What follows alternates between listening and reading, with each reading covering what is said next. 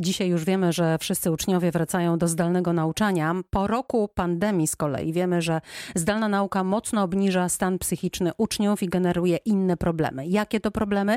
No na przykład z, z raportu Edukacja zdalna w czasie pandemii, edycja druga tego raportu przygotowanego przez Centrum e, Cyfrowe, aż 48% nauczycieli przyznaje, że w czasie edukacji zdalnej z klasy zniknął co najmniej jeden uczeń. To znaczy, że uczniowie po prostu nie logują się do nauki, nie odrabiają E, lekcji, nie uczestniczą w tych zdalnych zajęciach. Z badań z kolei zleconych przez Rzecznika Praw e, Dziecka wynika, że 83% uczniów w wieku od 15 do 18 roku e, życia narzeka na brak bezpośredniego kontaktu z rówieśnikami. Brak kontaktu twarzą w twarz z nauczycielem jest problemem dla 72% uczniów. 49% badanej młodzieży uważa, że nauka zdalna źle wpływa na ich zdrowie fizyczne, a 50% także na ich zdrowie psychiczne. I na tym Właśnie skupimy się dzisiaj w wieczorze e, z Dolnego Śląska w Radiu e, Wrocław razem z moimi gośćmi Magdaleną Duszyńską, psycholożką pracującą we wrocławskiej poradni e, cyberprzemocy. Dobry wieczór pani. Dzień dobry. I panem Jakubem Należnym, który jest pełnomocnikiem prezydenta Legnicy do spraw dzieci i młodzieży. Dobry wieczór panu. Dobry wieczór. Pani Magdo, chciałabym zacząć od e, Pani. Proszę powiedzieć e, z takiego zawodowego punktu widzenia, e, jako psycholog, czy każdy z uczniów w obecnej sytuacji, mam na myśli tutaj ten rok siedzenia przed komputerem, mhm. powinien dostać, no oprócz zdalnej nauki i tego, że musi przyswoić program, powinien dostać również wsparcie psychologiczne? Mhm. E, no tak, e, tak e, myślę o tej naszej rzeczywistości pandemicznej i myślę o tym, że nie tylko każdy uczeń, a też każdy po prostu człowiek w takiej hmm. sytuacji bezprecedensowej, jaką jest pandemia, powinien dostać takie wsparcie. Mm, no a czy go dostaje, czy je dostaje, to jest inny temat. To temu dzisiaj właśnie będziemy się przyglądać, tak jak to wygląda na Dolnym Śląsku. Mhm. E, to e, z raportów, które Pani przytoczyła, wynika, że mm, tak naprawdę mm, niecałe 60% szkół w Polsce ma w ogóle opiekę psychologa, e, a jeżeli ją ma, to mają na niepełny etat. Ten problem jest też widoczny w mniejszych szkołach. E, właśnie w szkołach, które nie są z wielkich miast i gdzie tam nawet 40%, tylko 40% e, szkół e, posiada psychologa w szkole.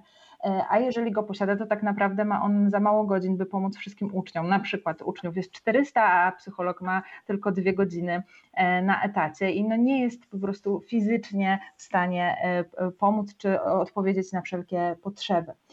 Pandemia a może nawet izolacja i taka ogromna niepewność, która e, istnieje w nas e, poprzez, e, poprzez tę sytuację, wzmaga takie uczucia lęku, wzmaga uczucie takich stanów depresyjnych, też generuje ogromny stres. I my to możemy odczuć po sobie, ale jeżeli my jako osoby, które są dorosłe, mają e, pewne zasoby, żeby sobie z nimi radzić, odczuwają takie lęki, to możemy sobie tylko wyobrazić, e, co czuje e, młodzież, która tak naprawdę nie ma pojęcia, jak mhm. będzie wyglądała e, rzeczywistość e, w najbliższym czasie. Co więcej, nie widzi w nas takiej pewności, że my im powiemy, jak mhm. to będzie wyglądać. A proszę powiedzieć, dlaczego e, z takiego psychologicznego punktu widzenia ten kontakt z rówieśnikami, bo to wydaje się największym problemem, po prostu izolacja, jak pani mhm. powiedziała, jest tak ważny dla ich rozwoju? Czy to jest szkoła podstawowa, czy to jest szkoła średnia? No, my jesteśmy istotami społecznymi. To oznacza, że do prawidłowego funkcjonowania, do funkcjonowania w tak zwanym zdrowiu psychicznym potrzebujemy drugiego człowieka. E, I no, no, życie młodych ludzi opiera się na takich trzech filarach, właśnie na takim filarze mm, społecznym, który, który był w szkole, wśród rówieśników, wśród jakichś zajęć pozalekcyjnych, na filarze takim rodzinnym, który dla jednych e, z dzieci, które, które funkcjonują w, w rodzinach, e, które mm, jakby wcześniej też nie miały problemów, jest ok, a dla dzieci, które miały generowane problemy z, z rodziny, no w tej chwili są jakby w nich zamknięte bez takiej ucieczki w stronę szkoły. No i e, jeżeli chodzi o edukację, i teraz każdy z tych filarów się zachwiał tak naprawdę. Mm -hmm. I edukacja, i rodzina. E, nasze życie rodzinne i, I to rówieśnicze. I to rówieśnicze, tak mhm. jest. Pan Jakub Należny jest z nami, pan Jakub Należny jest w Legnicy pełnomocnikiem prezydenta. Panie Jakubie, chcę zapytać, czy właśnie jako pełnomocnik prezydenta do spraw dzieci i młodzieży otrzymuje pan jakieś sygnały od młodzieży bądź od rodziców młodzieży, że dzieje się z nią coś niepokojącego? E, tak, e, znam takie osoby, które e, zgłaszają problem, to i są to nauczyciele i są to rodzice, że faktycznie z dziećmi i z młodzieżą nie jest dobrze. Czyli faktycznie młodzież i dzieciaki nasze potrzebują wsparcia i potrzebują pomocy, potrzebują rozmowy i ta cała sytuacja związana z pandemią na pewno wpływa bardzo negatywnie na ich rozwój i na ich psychikę. Również fizycznie gdzieś tam dzieci cierpią, tak, ale tutaj jeśli chodzi o, mhm. O, o psychikę, to tutaj jest naprawdę bardzo niedobrze. A to jest tak, proszę powiedzieć, czy mm, dostają Państwo sygnały bezpośrednio od dzieci, czy dostają sygnały od nauczycieli tylko, czyli od osób dorosłych i ich i rodziców tych dzieci? Bo zadaję e, teraz pytanie o to, czy dzieci same szukają jakichś e, e, rozwiązań, czy raczej to jednak robią rodzice? To znaczy dzieci również szukają rozwiązań, szukają wsparcia w osobach dorosłych. Nie zawsze dobrym rozwiązaniem jest rodzic, tak? bo gdzieś tam problemy, które wynikają, oczywiście pandemia pandemią, ale też przez to, że przez dłuższy okres czasu dzieci y, są w gospodarstwie domowym z rodzicami, nie zawsze potrafią się dogadać, y, nie zawsze jest nic porozumienia, więc y, nie mogą liczyć w danym momencie na wsparcie rodziców czy osób najbliższych, więc szukają gdzie indziej i starają się znaleźć takie osoby w postaci nauczycieli. Nauczycieli, którzy są pozytywnie nastawieni do nich, którzy ich słuchają i którzy mogą zrozumieć ich problemy. Więc dostaję takie sygnały właśnie od nauczycieli, że młodzież chce z nimi rozmawiać. Mimo tego, że jest pandemia i jest nauka zdalna, to gdzieś ta młodzież ciągnie do tej szkoły i potrzebuje tej bliskości mhm. nauczyciela, osoby dorosłej, żeby mogła się wygadać, żeby mogła powiedzieć, co to czuje i jakąś receptę tak, znaleźć mhm. na to, na tą całą sytuację taką negatywną i, i niefajną, która mm, gdzieś jest, tak? Bo to y, jest Właśnie sytuacja, która rzeczywiście wywróciła no nie tylko nas dorosłych życie do góry nogami, ale y, wywróciła też ten proces dorastania dla dzieci i młodzieży. Pani Magdaleno, jeszcze mam pytanie mm, do tak. Pani, czy rodzic jest w stanie tutaj rzeczywiście tego typu pomoc zaoferować. Pan Jakub Należny mówi, myślę słusznie, że rodzice no, nie, nie wypełnią tutaj tej luki. Ja zresztą spotkałam się kiedyś z taką opinią psychologiczną, że dzieci mogą nawet w domu trochę wstydzić się brać udział w lekcjach zdalnych, bo rodzice słyszą, jak one odpowiadają przed nauczycielem, czyli coś, co było do tej pory szkolne, nagle stało się szkolne i domowe. Czy rodzic jest w stanie być e, jakimś substytutem tych relacji z nauczycielem, tych relacji z rówieśnikami. Mhm. No, jeżeli chodzi o rodziców, to, to jest w tym trochę prawdy, co, co pani powiedziała, że, że rzeczywiście w tej chwili e, dzieci muszą się borykać z takim uczuciem wstydu, ale to też e, idzie w drugą stronę. To, co było domowe i tylko domowe, staje się też trochę szkolne, prawda? Mhm. Stąd ta niechęć na przykład do włączania kamerek i wcale się tego nie dziwię, mhm. że nagle dzieci włączając kamerkę zapraszają do swojego domu i to jest kolejny wstyd. proszę zobaczyć, jak wiele tutaj jest trudnych emocji, a to są e, zdalne lekcje, prawda? Mhm. E, więc, a wracając do, do pytania, rzeczywiście myślę, że budowanie relacji, e, w ogóle takiej relacji opartej na zaufaniu e, z rodzicem jest, no, no jest bardzo ważne i bardzo istotne w, ży, w życiu dziecka. Natomiast to nauczyciele są często tymi pierwszymi mm, dorosłymi, które też, którzy też zauważają problem jeszcze przed rodzicem. Dlaczego? Dlatego, że widzą, jak dziecko funkcjonuje w grupie Mhm. My jesteśmy jako rodzice z dziećmi jakby jakąś część czasu i jesteśmy przyzwyczajeni do ich funkcjonowania w domu. Natomiast rzeczywiście to w grupie rówieśniczej często uwydatniają się e, też problemy. To też e, często e, nauczyciele są tymi osobami, które widzą to, czego rodzice nie widzą. Tak, i widzą to, czego rodzice nie widzą. I teraz idziemy dalej, bo tu się generują kolejne problemy. Jak rodzic, e, jak nauczyciel e, powinien rozmawiać z, z takim rodzicem, często nauczyciele nie mają też takich szkoleń, czy, czy kompetencji, czy nawet takich kompetencji interwentów kryzysowych, którzy zauważając problem, mogliby w jakiś mhm. sposób zainterweniować. I tego brakuje. Myślę, że tutaj jest e, spora luka e, też na to, aby, aby nauczycieli w takie kompetencje e, zasilić. Natomiast jeżeli chodzi o rolę rodziców, no jest ona oczywiście ogromna i, i niezastąpiona. I myślę, że takie świadome, uważne rodzicielstwo zawsze jest takim, powinno nam przysłaniać jako taki pierwszy punkt. No wyzwanie w obecnych nie, czasach, prawda? Tak, żeby też nie zwalniać tych, tych rodziców tutaj zbudowania tych relacji. Mhm. Ja zawsze też porównuję to do do takiej e, kompetencji, nie wiem, e, idziemy z dzieckiem i to dziecko nigdy nie przychodziło przez ulicę, więc to rodzic uczy dziecko, że trzeba patrzeć prawo, lewo, prawo, tak? E, I, i, i jak przechodzić przez tą ulicę, więc wszystkie inne rzeczy to też jest rodzic takim pierwszą, pierwszą osobą, która powinna gdzieś dziecko w bezpiecznej atmosferze przeprowadzić przez, przez trudne mm. sytuacje, ale dzieje się różnie, są różne sytuacje, różne rodziny. I jak tak pozwoli tak Pani, że jak, jak właśnie rodzic powinien podchodzić do do, swojego dziecka w obecnej e, sytuacji, kiedy też stał się trochę nauczycielem, bo tak jak pani powiedziała, szkoła weszła do domu i dom wszedł do szkoły.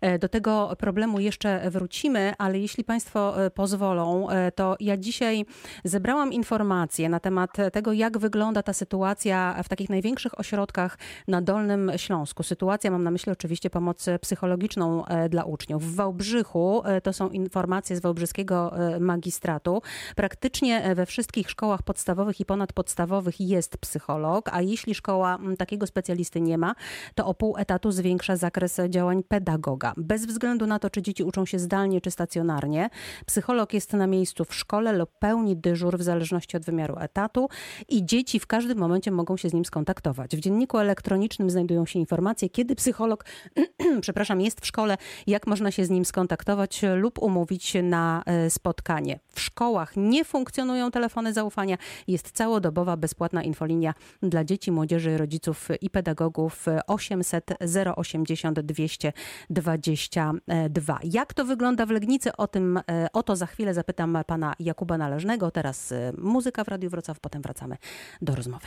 Czy dzieci dostają e, pomoc psychologiczną? Dzisiaj przyglądamy się największym ośrodkom e, na Dolnym Śląsku. To jest wieczór z Dolnego Śląska w Radiu Wrocław. Wcześniej mówiłam o tym, że według informacji, e, które podaje Wałbrzyski magistrat, psycholog jest praktycznie we wszystkich szkołach podstawowych i ponadpodstawowych i dostęp do takiego eksperta ma każde dziecko. Dostęp zarówno stacjonarny, jak i zdalny. Pytanie, jak jest w Legnicy. Ja przypominam, że z nami jest pan Jakub Należny, pełnomocnik prezydenta do spraw dzieci i młodzieży właśnie z Legnicy i pani Magdalena e, Duszyńska, która zajmuje się cyberprzemocą. E, panie Jakubie, proszę powiedzieć, e, jak to jest w Legnicy? Czy w każdej szkole również dzieci mogą liczyć na pomoc psychologa?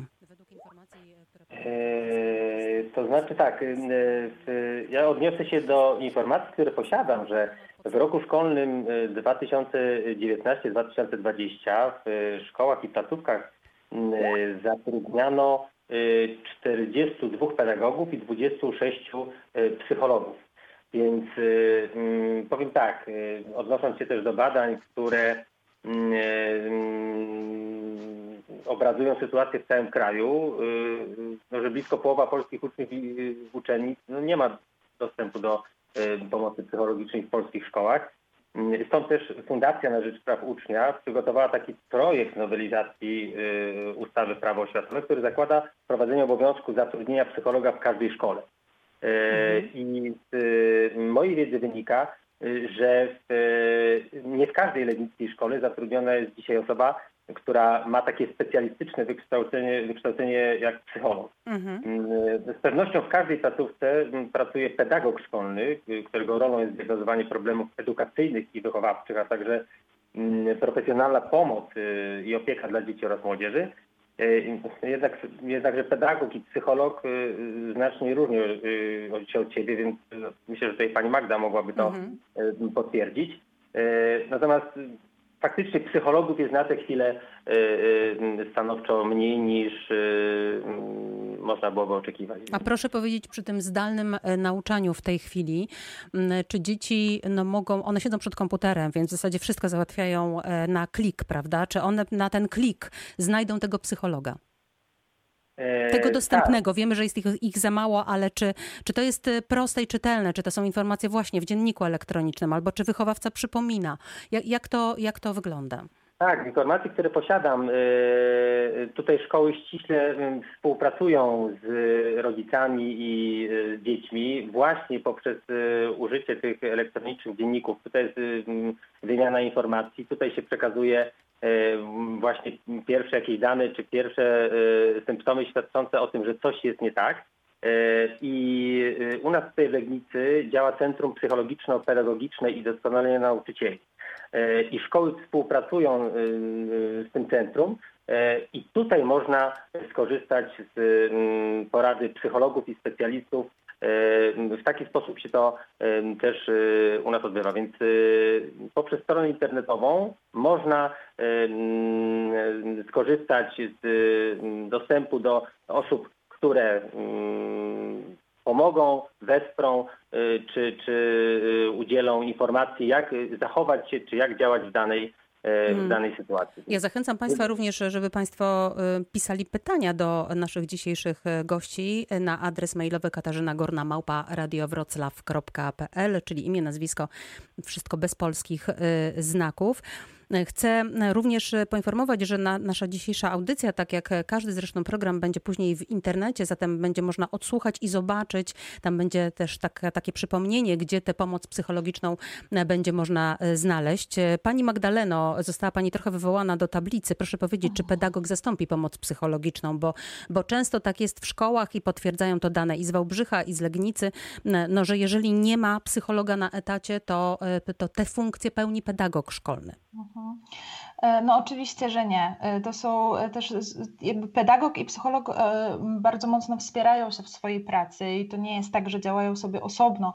Natomiast nie wiem, jak z Państwa doświadczeń szkolnych, ale to, to mało, mało się zmieniło pod tym względem. Mhm. Pedagog jest często tą osobą, która gdzieś jest też daje jakąś reperkusję, tak? Tutaj mhm. represję wręcz mm pod względem dla, dla niegrzecznych uczniów jest taką e, takim kimś, Jak kto, dziecko ma też, problemy, to idzie do pedagoga. Tak, do pedagoga mhm. albo do dyrektora. Natomiast jakby kluczową, chociaż to się zmienia, to się zmienia, natomiast powoli, kluczową rolą w ogóle w relacji jest zaufanie i Psycholog jest taką osobą, która, e, która to zaufanie z uczniami buduje, która e, ta osoba też odpowiada na ich potrzeby, e, nie tylko gasi pożary, ale też wchodzi na, na lekcje, na zajęcia, rozmawia z uczniami, poznaje ich, ich problemy, ich potrzeby i odpowiada na nie jakby również poprzez e, zajęcia e, wychowawcze. E, to też robią wychowawcy, to też robią pedagodzy, ale to psycholog jest osobą, która wie, gdzie pokierować, jak pokierować,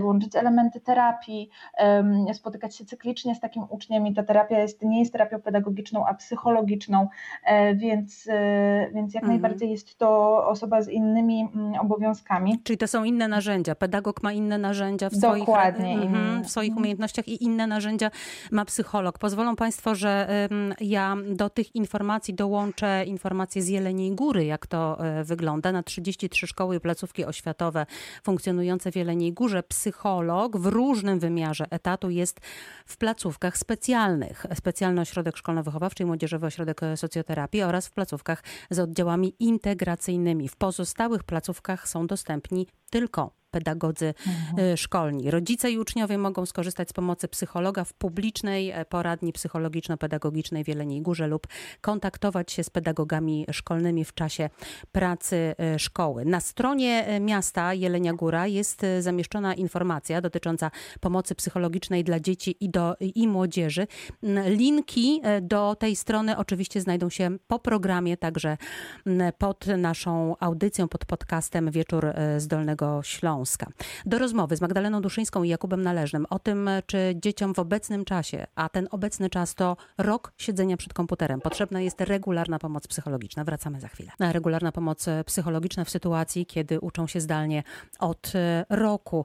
Ja mam pytanie od słuchaczki pani Magdaleny, która mm, pyta również panią Magdalenę, czyli naszego dzisiejszego gościa, panią Magdalenę Duszyńską, psycholożkę, czy dzieci mogą uczyć się efektywnie, czy są e, w stanie wystarczająco się e, koncentrować, skupić uwagę, kiedy siedzą niemal cały dzień przed komputerem. Mam wrażenie, pani Magda, że to jest trochę bardziej pytanie do, do pedagoga jednak, ale, ale wierzę, że pani sobie z nim poradzi. Um... No tak, e, to też wszystko zależy, prawda? To zależy od, od danego dziecka, od tego, jakie ma zasoby, jakie ma warunki w domu, jaki ma sprzęt, jakich ma nauczycieli, e, jak wyglądają lekcje, wszystko, wszystko zależy. Natomiast no nie ukrywajmy, że, e, że dorosłego człowieka 8 godzin przed mhm. komputerem męczy i my w tej chwili też tylko przyjmujemy informacje, a nie doświadczamy, czyli nie mamy przerwy, gdzie możemy sobie poplotkować z koleżankami, poganiać się z chłopakami na, na na korytarzu, tak, tylko mamy przerwę, w której ewentualnie możemy się pokręcić po pokoju i to też cicho, bo rodzice e, zdalnie pracują obok w pokoju więc niezbyt wiele możemy zrobić. A to e... przepraszam, że przerwę. -hmm. Bardzo ciekawe, co pani powiedziała, że my przyjmujemy, a nie doświadczamy. Tak. Jaka tak. jest różnica między jednym a drugim? Przyjmowaniem wiedzy, a doświadczaniem życia, wiedzy. No właśnie, życia.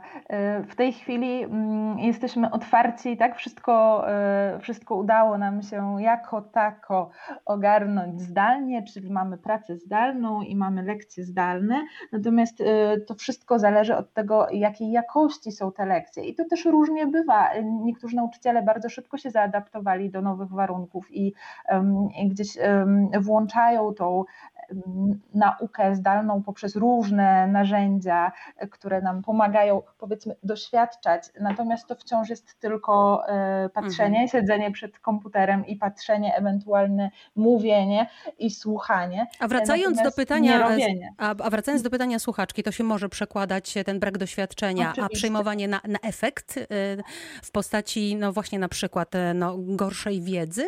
Przebodźcowania raczej, mhm. takiego e, przyjęcia zbyt wielu informacji, e, braku takiej higieny pracy.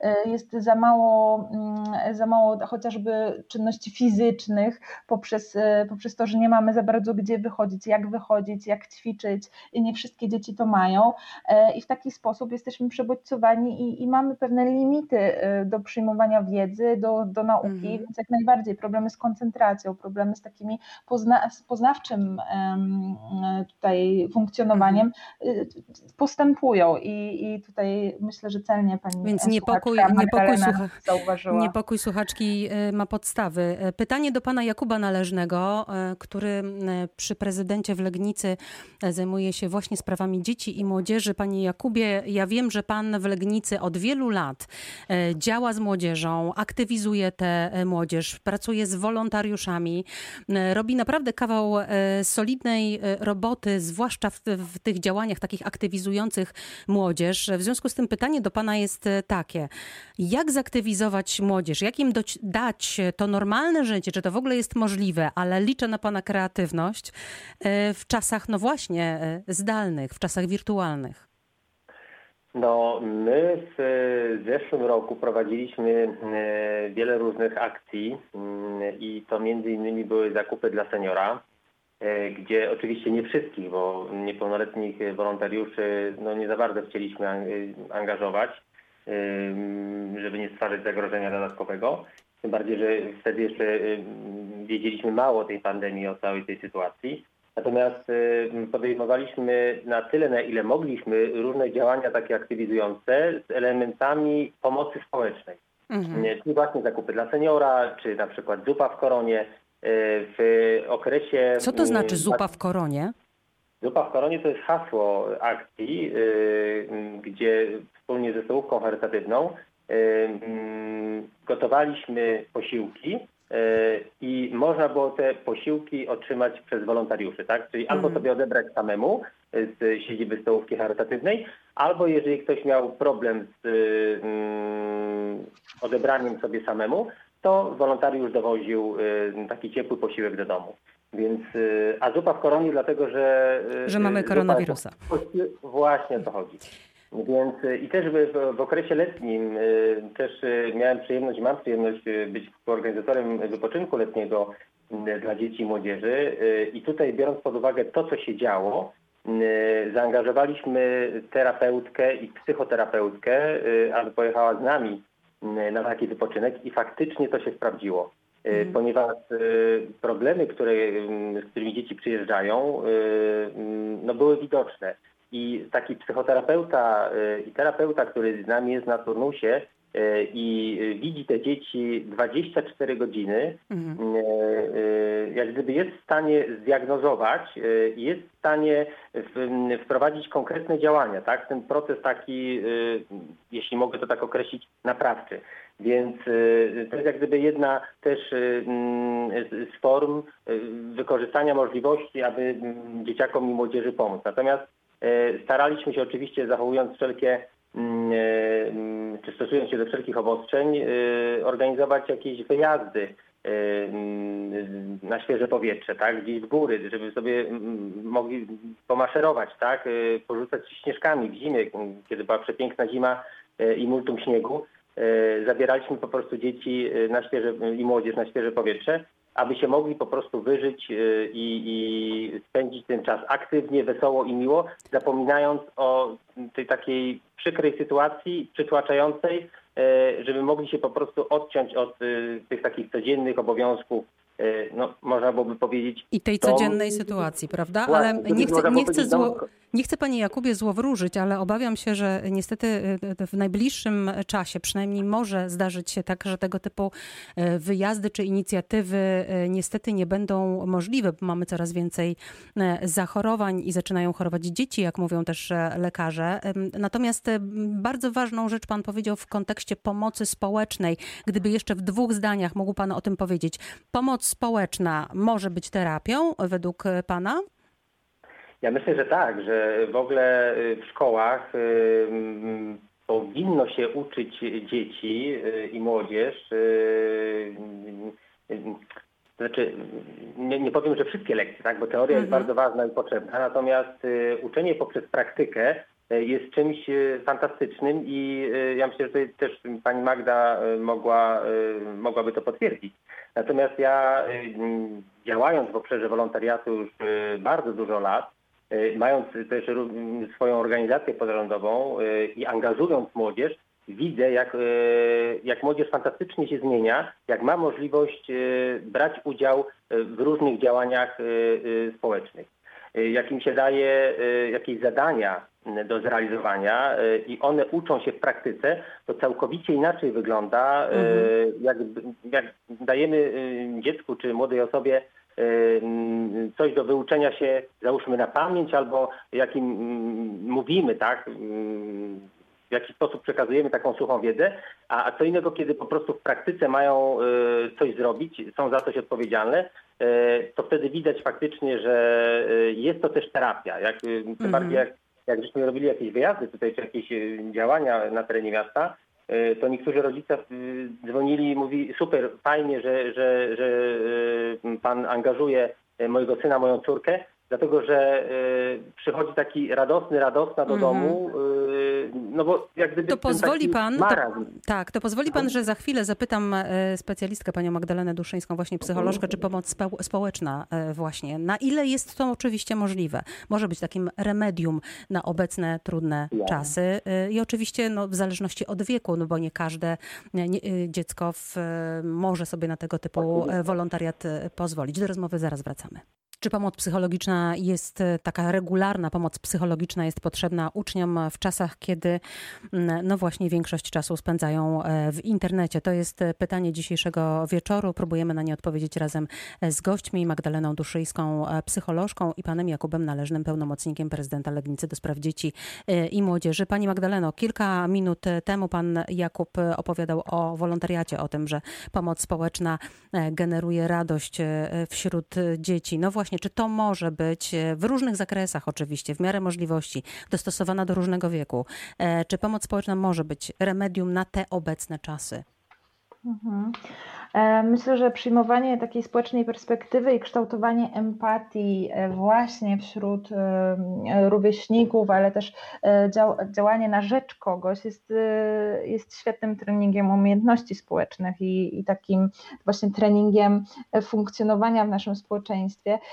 Więc jak najbardziej wszelkie takie, takiego typu interakcje i, i akcje są pożądane, w szczególności dlatego, że są też mm, pewnym takim taką odskocznią od tej rzeczywistości, o czym e, mhm. E, Pan Jakub powiedział. Nawet e, samo ja się uśmiechnęłam, jak Pan Jakub mówił o rzucaniu śnieżkami, że, że to jest świetna, świetna, świetne działanie już terapeutyczne, a fizyczne po prostu, interakcji z rówieśnikami, dużo śmiechu, które też jest przecież terapeutyczne, więc, więc taka nawet prosta czynność jest już dla nas dużą, dużą pomocą dla naszego takiego zdrowia psychicznego. Oczywiście Mówię tutaj o ludziach, którzy e, i o dzieciach, które mm, e, nie mają e, większych zdiagnozowanych problemów, tylko po prostu, po prostu są przytłoczone tym, co, mm. się, co się dzieje teraz, bo, bo wiadomo, że rzucanie ścieżkami nie jest tutaj prawda, odpowiedzią na każdy problem, natomiast rzeczywiście. Ale może, proszę powiedzieć, czy w takim pomóc. razie do rodziców powinien dotrzeć taki komunikat, że powinni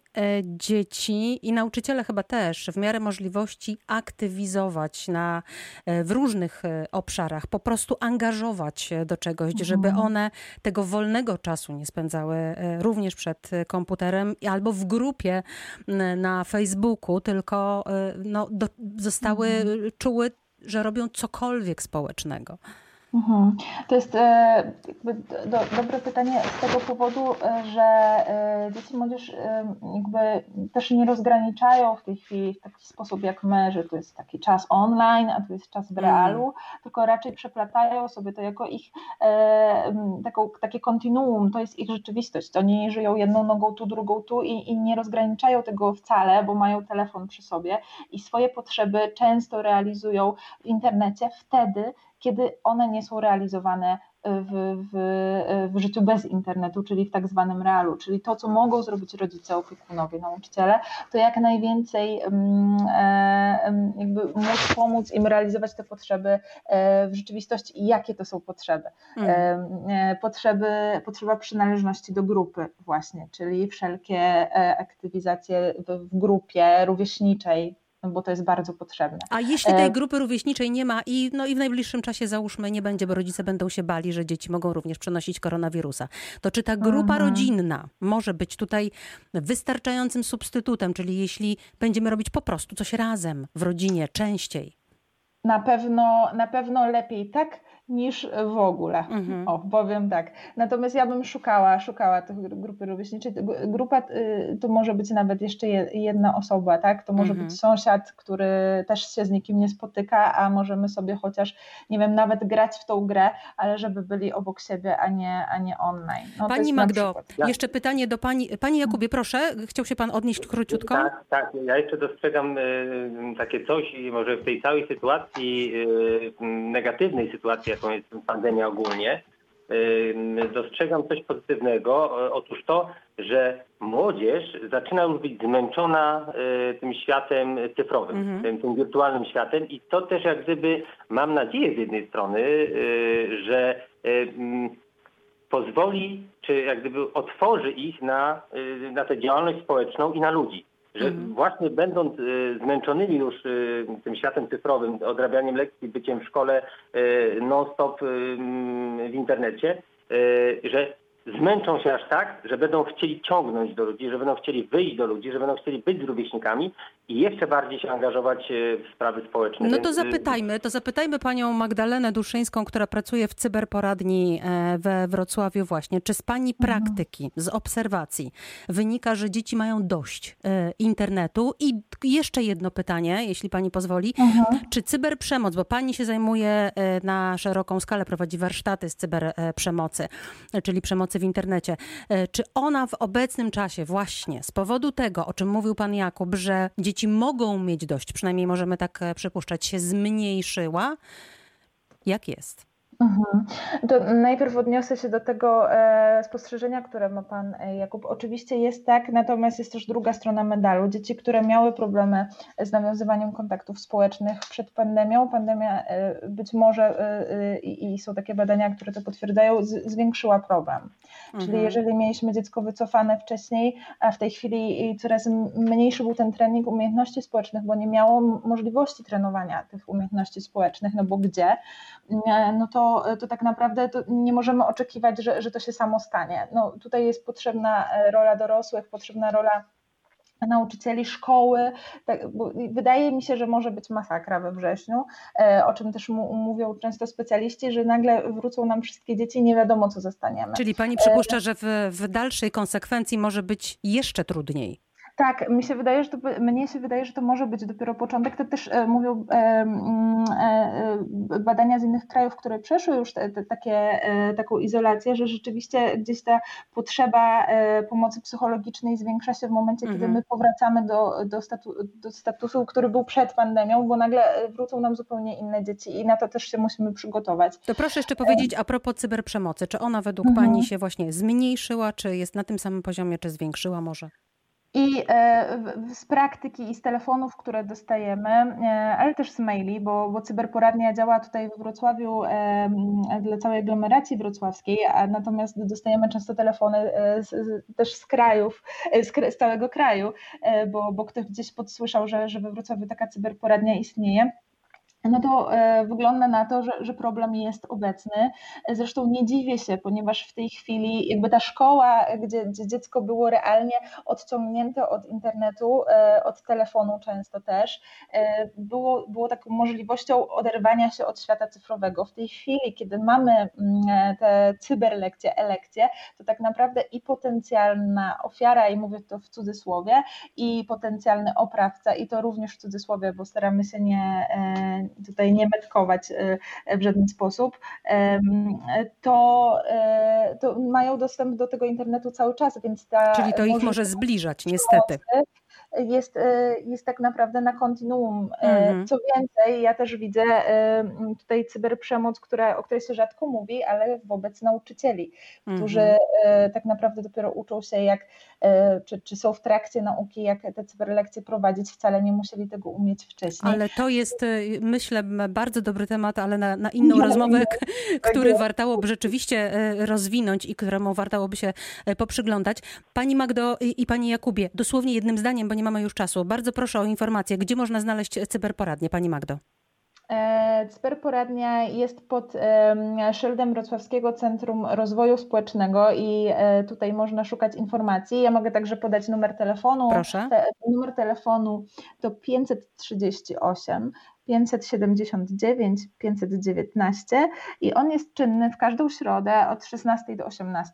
mogą jest dzwonić cy... wszyscy, anonimowo. Wszyscy mogą dzwonić anonimowo, to jest cyberporadnia we Wrocławiu. Panie Jakubie, gdzie pomocy psychologicznej mogą szukać rodzice, nauczyciele, uczniowie w Legnicy? Centrum Pomocy Psychologiczno-Pedagogicznej i Doskonalenia Nauczycieli w Legnicy i to jest y, numer telefonu 782 074 i 434. Ewentualnie wchodząc na stronę internetową Centrum Pomocy Psychologiczno-Pedagogicznej i Doskonalenia Nauczycieli, to jest www.cppidn.legnica.eu. Bardzo dziękuję. A dla tych z Państwa, którzy nie zdążyli zanotować tych numerów e, telefonów e, czy też stron, adresów stron internetowych, ja przypomnę, że nasz program będzie jeszcze dzisiaj wieczorem w internecie. Będzie można go jeszcze raz odsłuchać, przypomnieć sobie te strony internetowe i numery telefonów. Tam także będą linki do różnych e, poradni. Bardzo dziękuję za dzisiejsze wieczorne spotkanie. Moimi i Państwa gośćmi byli pani Magdalena Duszyńska, psycholożka pracująca w cyberporadni we Wrocławiu. Dziękuję Dziękuję Pani Magdo.